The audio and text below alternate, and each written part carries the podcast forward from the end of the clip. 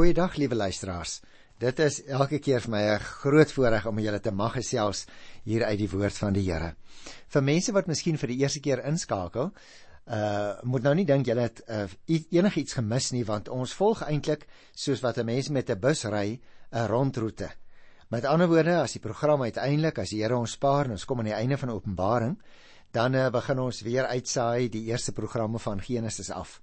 En ons werk ook so dat ons gewoonlik eers 'n Ou Testamentiese boek doen en dan 'n Nuwe Testamentiese boek, net so 'n bietjie ter wille van die afwisseling en tweedens natuurlik ook om uitdrukking te gee aan die eenheid van die Bybel. Want die Bybel is natuurlik een en dit gaan ook oor een God wat aan die woord kom in die Heilige Skrif. Nou luisteraars, ons het nou al 'n hele paar boeke gedoen. Ons is op hierdie stadium besig met Johannes. En die ouens wat nou gereeld luister sal weet, Ons kan die evangelie volgens Johannes se beskrywing indeel in drie groot afdelings. Daar was eers die bekendstelling van die hooffiguur. Nou die hooffiguur is natuurlik die Here Jesus self. En dit het gestrek vanaf hoofstuk 1 vers 1 tot vers 1 tot 51 met ander woorde eintlik 'n hoofstuk op homself. Die tweede groot afdeling in die evangelie het gehandel oor Jesus maak sy heerlikheid in openbaar bekend deur tekens veral. En dit het dan van hoofstuk 2 vers 1 gestrek tot aan die einde van Hosea 12 vers 50. En toe het ons met die derde groot afdeling begin waarmee ons op die oomblik besig is en om die waarheid sê am, amper al klaar is wat handel oor die lyding, die dood en die opstanding van die Here Jesus. En dit strek dan van Hosea 13 vers 1 tot aan die einde van die evangelie Hosea 21 vers 25. Met ander woorde, as ons nou vandag voortgaan met Johannes 15 waar ek die vorige keer opgehou het, dan beteken dit dit is eintlik deel van hierdie derde afdeling. En voordat ons by die lyding kom, begin die derde afdeling oor die afskeidsredes wat die Here Jesus met sy disippels voer. En hierdie afskeidsrede kry mens dan vanaf hoofstuk 13 tot aan die einde van hoofstuk 17. Met ander woorde vier hele hoofstukke met verskillende gebeurtenisse en gesprekke wat die Here Jesus voer, is hy eintlik besig om afskeid te neem. En julle sal onthou dat ons dan by hoofstuk 15 gesien het verlede keer dat ons daar een van die bekende uitsprake behandel het, naamlik ek is die ware wingerdstok. Reg by die inleiding sal julle dalk ook onthou ek het gesê daar is hierdie sewe baie baie beroemde uitsprake in die evangelie van Johannes, naamlik ek is die brood wat lewe gee, ek is die lig vir die wêreld, ek is die ingang, ek is die goeie herder, ek is die opstanding en die lewe, ek is die weg en die waarheid en die lewe en dan het ons die sewende een verlede keer gedoen in Hosea 15 vers 1 ek is die ware wingerdstok. So daar is dus by uh, Johannes wat die Here Jesus aangewys het as die Messias geen twyfel in sy eie hart oor wie Jesus is nie. Hy neem met ander woorde die Here Jesus op sy woord as hy elke keer sê ek is. En dit is wat jy en ek mos ook glo. Vir ons ook hier in ons program wil ek sê luisteraars, daar hoef nie by enige iemand twyfel te wees nie. Ons aanvaar die Bybel onvoorwaardelik as die geïnspireerde woord van die lewende God en ons erken ook geen ander manier of weg om by die Here uit te kom nie as deur geloof in Jesus Christus. En nou is een van die kenmerke van Christene natuurlik dat ons mekaar moet lief hê. En dit is waarby ek vandag begin hier by Johannes 15 vers 9. En as ek na die opskrifie kyk, julle moet mekaar lief hê, luisteraars, dan is dit asof ek so bietjie wil sidder. Want as ons soms na onsself kyk as Christus gelowiges, dan moet ons dadelik erken Ons skiet baie baie ver te kort in die praktyk van ons lewens. So kom ons toets dan vandag weer 'n keer ons lewens aan die uitsprake van die Here Jesus. Ek begin dadelik met vers 9 in Johannes Evangelie die 15de hoofstuk. Soos die Vader my liefhet, het ek julle ook lief. Julle moet in my liefde bly. Dis my 'n baie interessante opmerking wat die wat die Here Jesus hier maak luisteraars. Die wederwysige inwoning van die Here in ons en ons in hom wat ons ook al by vers 4 gekry het in die vorige program nê ek bly in julle en julle bly in my. Ons kry daar dieselfde wederwysige inwoningsgedagte ook weer hier. En nou word dit verduidelik as 'n liefdesgemeenskap 'n liefdesverhouding waarin jy en ek staan tussen die Vader en die Seun en die disippels. Met ander woorde God met groot respek gesê is die een deelnemer aan hierdie verhouding en jy en ek is die ander aan die ander kant die deelnemers. Jy sien, die Vader se liefde vir die seun is natuurlik in oorsprong en in intensiteit die basis en die model van die Here Jesus se liefde vir sy disippels. Die disippels moet nou die waarheid dat Jesus hulle liefhet beantwoord deur in sy liefde te bly. Daarom sê hy in vers 9b: "Julle moet in my liefde bly." Maar nou brei hy wonderlik daarop uit. Luister na vers 10: "As julle my opdragte uitvoer, sal julle in my liefde bly, net soos ek die opdragte van my Vader uitvoer en in sy liefde bly." Luisteraar, het jy die Here Jesus lief? Ja is die antwoord en ek antwoord saam met jou ja. Die toets lê hierin. As ons sy opdragte uitvoer, sal julle in my liefde bly, né? Jy sien, soos vrug dra die uitvloeisel is van die disippels se bly in die Here Jesus, so is die gehoorsaamheid aan sy opdragte juis die teken daarvan dat ons werklik beoefen om te bly in sy liefde. Dat Jesus in die liefde van sy Vader bly soos wat hy hier sê, is die basis en die verpligte model vir die disippels. Met ander woorde, die Here Jesus stel die voorbeeld aan ons. Hy bly in die liefdesverhouding met sy Vader en net so moet jy en ek bly in ons liefdesverhouding met die Here Jesus. Vers 11. Dit sê ek vir julle sodat my blydskap in julle kan wees en julle blydskap volkome kan wees. Is dit nie wonderlik nie, nê? Die doel. Wat is die doel van die Here Jesus se woorde? Hier spel hy dit uit. Hy sê die doel is dat die disippels ook die blydskap mag ondervind wat hy self ervaar deurdat hy in 'n volkomme vrugbare verhouding met sy Vader bly en lewe. Luisteraar, die Here Jesus besit blydskap omdat hy in die liefde van sy Vader bly. En die disippels sal die voltooiing van hulle eie blydskap as heilsbesit ontvang in hulle liefdevolle en voortgaande bly in die Here Jesus. Dan sal ons ook, sal jy die vorige program onthou, dan sal ons ook baie vrugte dra en die Vader word juis daardeur verheerlik, het die Here Jesus gesê, wanneer ons baie vrugte dra. En daarom, die Vader het die seun lief en Jesus het sy disippels lief. En in so 'n liefdesatmosfeer, as ek dit so kan noem, word die disippels geroep om elke dag te bly lewe. Ware blydskap het nooit net te doen met ons omstandighede nie, hoor, maar dit spruit juis uit 'n sterker en 'n groeiende geloofsverhouding met die Here Jesus Christus. As ons dus in 'n geloofsgreep met hom lewe, sal hy ons dra ook in sy liefde in hierdie verhouding wanneer ons probleemtye belewe in ons eie ervaring elke dag. Liewe luisteraar, om blydskap te ervaar beteken om te deel in die gevolge van die verlossing wat die Here Jesus gebring het. Blydskap is dus die gevolg van 'n geloof in Jesus Christus. Dis 'n voortgaande lewe in die wingerdstok, Jesus Christus. Dit is om die nuwe lewe opwindend te kan ervaar en te belewe elke dag. En daarom wil ek vir jou vra, is daar dalk blydskap kort in jou lewe? Dan moet jy miskien weer 'n keertjie kyk na jou verhouding met die Here Jesus Christus. Verwaarloos jy dit nie dalk nie? Want as ek my ingeplant wees in die Here Jesus verwaarloos, dan is die onmiddellike gevolg 'n gebrek aan vrug dra en 'n gebrek aan blydskap. Kom ons lees vers 12 en 13. Dit is my opdrag. Julle moet mekaar lief hê soos ek julle liefhet. Niemand het groter liefde as dit nie, dat hy sy lewe vir sy vriende aflê. Liewe luisteraar, ons moet mekaar lief hê net soos Jesus Christus ons liefgehad het. Dit sê hier baie pertinente vers 12. Hy het ons uiteindelik end uit liefgehad, nê, want hy het uiteindelik aan die kruis gaan sterwe ter wille van ons.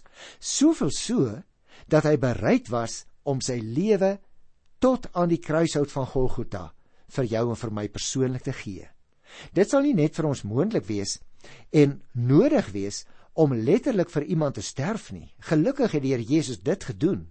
Maar ons kan ons opofferende liefde op ander mense uitleef en teenoor hulle betuig deur byvoorbeeld hulle te help of hulle te bemoedig in iets en aan mekaar maksimum ruimte gee hoor. Die beantwoording van Christus se liefde vir ons is juis deur wederliefde. En op so 'n wyse bewys jy en ek ook in die praktyk dat ons sy vriende is. Vertrouelinge van Jesus Christus is. En daarom as ek hierdie teks so bietjie beter bekyk in vers 12, dan lyk dit vir my die disippels het verneem dat om in die Here Jesus Christus te bly konkreet beteken om gehoorsaam te wees aan sy opdragte. En nou word die opdrag saamgevat in die onderlinge liefde soos ek julle liefhet, sê hy. En dan hy 13de vers nê, waar hy weer 'n keer herhaal, die hoogste toets vir die liefde is dat iemand sy lewe gee ten behoewe van sy vriende. Nou natuurlik, die Here Jesus het sy lewe vir sy vriende gegee as 'n model van die intensiteit van die liefde wat die disippels in hulle onderlinge liefde ook teenoor ander mense moet betoon. Ons moet dus bereid wees as dit nodig sou wees om selfs ons lewe in gevaar te stel of selfs prys te gee ter wille van iemand anders. Ek dink altyd aan daardie mamma of pappa wat voor die bus inspring om hulle kind weg te stamp. Dan het ons 'n baie goeie praktiese voorbeeld, né, van wat dit beteken om bereid te wees om jou lewe te gee selfs al sou dit jou eie lewe kos. Vers 14 en 15. Julle is my vriende as julle doen wat ek julle beveel. Ek noem julle nie meer ondergeskiktes nie, want 'n ondergeskikte weet nie wat sy baas doen nie. Nee, nee, ek noem julle vriende omdat ek alles wat ek van my Vader gehoor het aan julle bekend gemaak het. Wonderlike woorde nie waar nie. Jy sien, so moet gehoorsame vriende mekaar ook lief hê sonder servituut en voorbehoud. Die slaaf of soos dit hier genoem word in die Afrikaanse vertaling die ondergeskikte is natuurlik iemand wat soos 'n instrument gehanteer word deur sy eienaar. Dink nou maar hoe hanteer iemand wat gitaar speel daardie instrument? Omdat hy net doen wat hom beveel word. Daarteenoor het jy opgelet. Noem die Here Jesus sy disippels vriende en hy sê: "Julle is my vriende omdat ek niks van julle terughou het nie, maar die volle boodskap van verlossing van die Vader met julle gedeel het. En uiteindelik gaan ek my lewe vir julle gee. Ek hou myself ook nie van julle terug nie. Luister na vers 16. Julle het my nie uitget kies nie, maar ek het julle uitget kies en julle aangestel om uit te gaan en vrugte te dra, vrugte wat sal hou. So sal die Vader aan julle gee wat julle ook al in my naam vir hom vra. Dis 'n wonderlike uitspraak hier van die Here Jesus. Gewoonlik, liewe luisteraar, het leerlinge vir hulle 'n rabbi uitgesoek in daardie tyd. Maar in hierdie geval het Jesus self die inisiatief geneem en sy disippels uitget-kies. En hy het hulle ook aangestel, lees ons hier, om voortdurend vrugte te dra. En buitendien, die Vader sal die disippels se gebede om Jesus se sending te volvoer verhoor as hulle hom in die gebed daarom vra. Dis 'n wonderlike versekering, is dit nie? Kom ons kyk hier na vers 17 en ek lees ook vers 18 daarmee saam. Dit beveel ek julle, julle moet mekaar lief hê.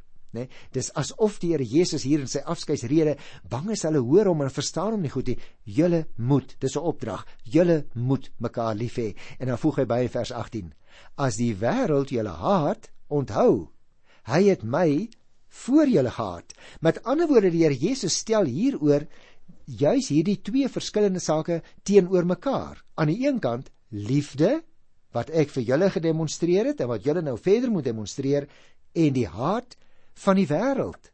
Die wêreld het my gehaat, né? Julle sal nog onthou luisteraars daar by Hosea 1 vers 1 uh, eh, tot by vers 5. Hoe dat die Here Jesus sê ek het gekom na hierdie wêreld toe En dan gaan hy aan van vers 6 af om te sê: Ek het eintlik na my eie mense toe gekom. Dit is die Jode van daardie tyd en hulle wou my nie aanvaar nie. En dit is nog vandag so, dit blyk ook hier uit vers 18, as die wêreld julle haat onthou. Hy het my voor julle gehad. Jy sien, nog 'n keer vat die Here Jesus die kenteken van ware disippelskap, met ander woorde, liefde vir hom vat hy daardie kenmerk van ware disippelskap saam in die opdrag: "Julle moet mekaar lief hê." En dit moet dan sigbaar word, net soos die vrug aan 'n boom. Ek dink dit is ook belangrik dat ons mekaar sal sê, luisteraars, die wêreld sal julle haat. Ja, want die wêreld het ook die Here Jesus gehaat. Christene sal oorgenoeg haat van die vyandige wêreld se kant af kry. En daarom is dit juis so nodig dat die woorde van Christus die gelowiges sal dra, deur dik en dun by ons in ons ore sal klink, dat ons dit in ons harte sal bære. Die disippels moet die wêreld gaan verower met liefde. Al kos dit ook vervolging in sommige gevalle. Haat en ongeloof moet verplaas word deur liefde en deur geloof. As die wêreld die eienaar Jesus haat en verwerp, hoeveel te meer nie ook die slawe van die eienaar, die disippels nie. Hulle word ter wille van Jesus gehaat. En daarom, liewe luisteraar, moet jy en ek ook daarop bedag wees. As ons getuienis, as selfs ons soms in 'n geselskap nie baie welkom is nie, dan moet ons weet die Here Jesus het dit vooruit gesê. Wat beteken hierdie dinge prakties en heel konkreet in ons lewe? Ek sou so wou antwoord. Die Here Jesus Christus is jou en my Here en Meester. In werklikheid moet hy ons dus ondergeskiktes of slawe noem, maar hy doen dit nie. Nee. Nee, hy hanteer ons nie net nie, maar hy noem ons sy vriende. Ons behoort hom te gehoorsaam omdat hy ons Here en ons Meester is. Ag. Ag, hoeveel te meer behoort 'n vriend nie aan sy vriend met 'n hoofletter lojaal te wees nie. Veral omdat die vriend lewe vir ons as vriende gegee het. Lojaliteit beteken dan ook om gehoorsaam te wees aan sy opdrag, naamlik om mekaar net so lief te hê en net soos hy bereid te wees om onsself mekaar te gee. Is 'n wonderlike uitspraak van Here Jesus in die 16de vers dat hy ons eerste gekies het. Hy het besluit om ons lief te hê en vir ons te sterf. Hy het besluit om ons te nooi om vir ewig by hom te lewe. En daarom moet jy en ek ook 'n keuse maak, hoor. Ons word vandag, as ons na hierdie woorde luister, word ons by hernuwing opgeroep om te besluit of ons sy aanbod gaan aanvaar of dit gaan verwerp. Was dit nie vir die keuse wat hy eerste gemaak het nie, dan sou ons nie eers die moontlikheid van 'n keuse gehad het nie, hoor. En daarom moet ons hierdie woorde nie net aanhoor nie. Ons moet uiteindelik 'n beslissing ten opsigte van sy woorde maak om hom lief te hê en om mekaar lief te hê. Daarom het hy dit duidelik gesê in die 18de vers: As die wêreld julle haat onthou, hy het my voor julle gehaat. Jy sien dus teenoor die liefde staan die haat en teenoor God staan die sondige wêreld. Die disippels moet die duisternis van die sondige wêreld binnendring met die boodskap van lig wat ons dra. Vervolging en haat wag op die disipelkring van destyds, soms ook om ons. Maar hulle hulle moes nie moed verloor nie. Hulle moes onthou dat die wêreld die Here Jesus ook in ongeloof verwerp het en dat dit juis in die vorm van haat na hulle oorgekom het in daardie tyd. Daarom moet ons nie verbaas wees nie. Luister na vers 19. As julle aan die wêreld behoort het, sou die wêreld julle as sy eiendom liefgehad het. Omdat julle egter nie aan die wêreld behoort nie, maar ek julle uit die wêreld uitgekies het, daarom haat die wêreld julle. Jy sien, omdat die disippels nie die eiendom van die sondige wêreld is nie, maar deur Jesus verkies is tot sy eiendom, word hulle gehaat. Die sondige wêreld het net sy eie lief, naamlik die wat vir Jesus verwerp. Die disippels word gehaat ter wille van hulle identiteit, naamlik uitverkorenes van Jesus Christus die Here. Vers 20 sê: Onthou wat ek vir julle gesê het. 'n Slaaf is nie belangriker as sy eienaar nie. As hulle my vervolg het, sal hulle julle ook vervolg. As hulle my woorde ter harte geneem het, sal hulle julle sin ook ter harte neem. Jy sien, Hierdie vers dink ek is baie duidelik in sy verduideliking. As die wêreld dan vir Jesus vervolg aan wie hulle behoort, hy is ons eienaar, né? Dan moet hulle verwag wat volgens die spreuk die slawe is, wat nie verwag het om vry te kom nie. Net soos die wêreld Jesus se boodskap verwerp het, sal die disippels se getuienis ook verwerp word. En daarom vers 21. Maar hulle sal dit alles aan julle doen omdat julle my naam bely en hulle hom nie ken wat my gestuur het nie. Jy sien liewe luisteraar, die grondliggende oorsaak waarom die wêreld gelowiges haat, is omdat hulle Jesus se disipel is. Terwille van hom word disipels wat getrou is in hulle getuienis gehaat. Die sondige wêreld verwerp vir Jesus omdat hulle nie die Vader wat hom gestuur het ken nie. Vers 22 sê: As ek nie gekom en met hulle gepraat het nie, sou hulle nie skuldig gewees het nie. Maar nou het hulle geen verskoning vir hulle sonde nie. Jy sien die sondige wêreld se weerstand is 'n doelbewuste verwerping van lig. God het homself bekend gemaak deur Jesus wat met die wêreld kom praat het en die vinger op hulle ongeloof gelê het om hom na ons toe te stuur. Vers 23 Wie my haat, haat ook my Vader. Die sondige wêreld se vyandige haat teenoor die Here Jesus is ook gerig op die Vader. Daarom het hy vorige keer gesê, as iemand my nie ken nie, kan hy die Vader ook nie ken nie. Dit is nie moontlik om vir God te ken, luisteraar, sonder die Here Jesus nie. Vers 24: As ek nie by hulle die werke gedoen het wat niemand anders gedoen het nie, sou hulle nie skuldig gewees het nie. Maar nou sien hulle dit en tog haat hulle my en my Vader.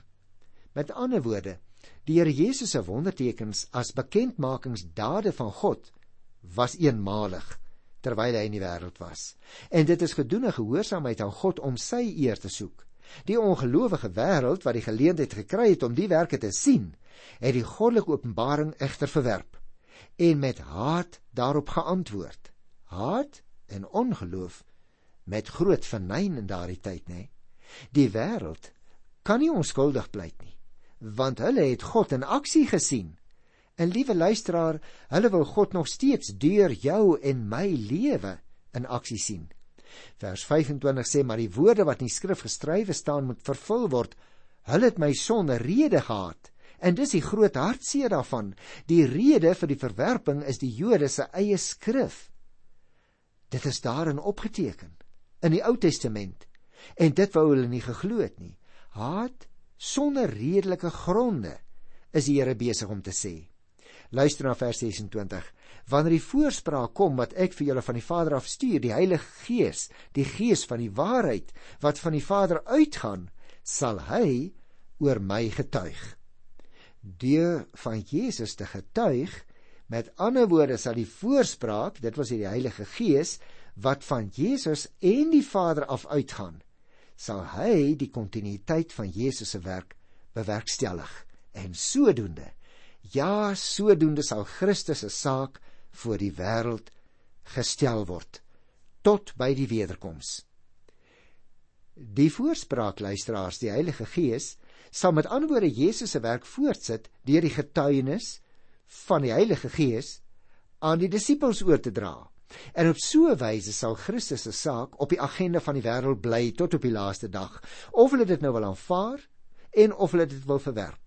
Die Here Jesus gebruik dus hier twee name vir die Heilige Gees in die vers, naamlik die voorspraak en die Gees van die waarheid.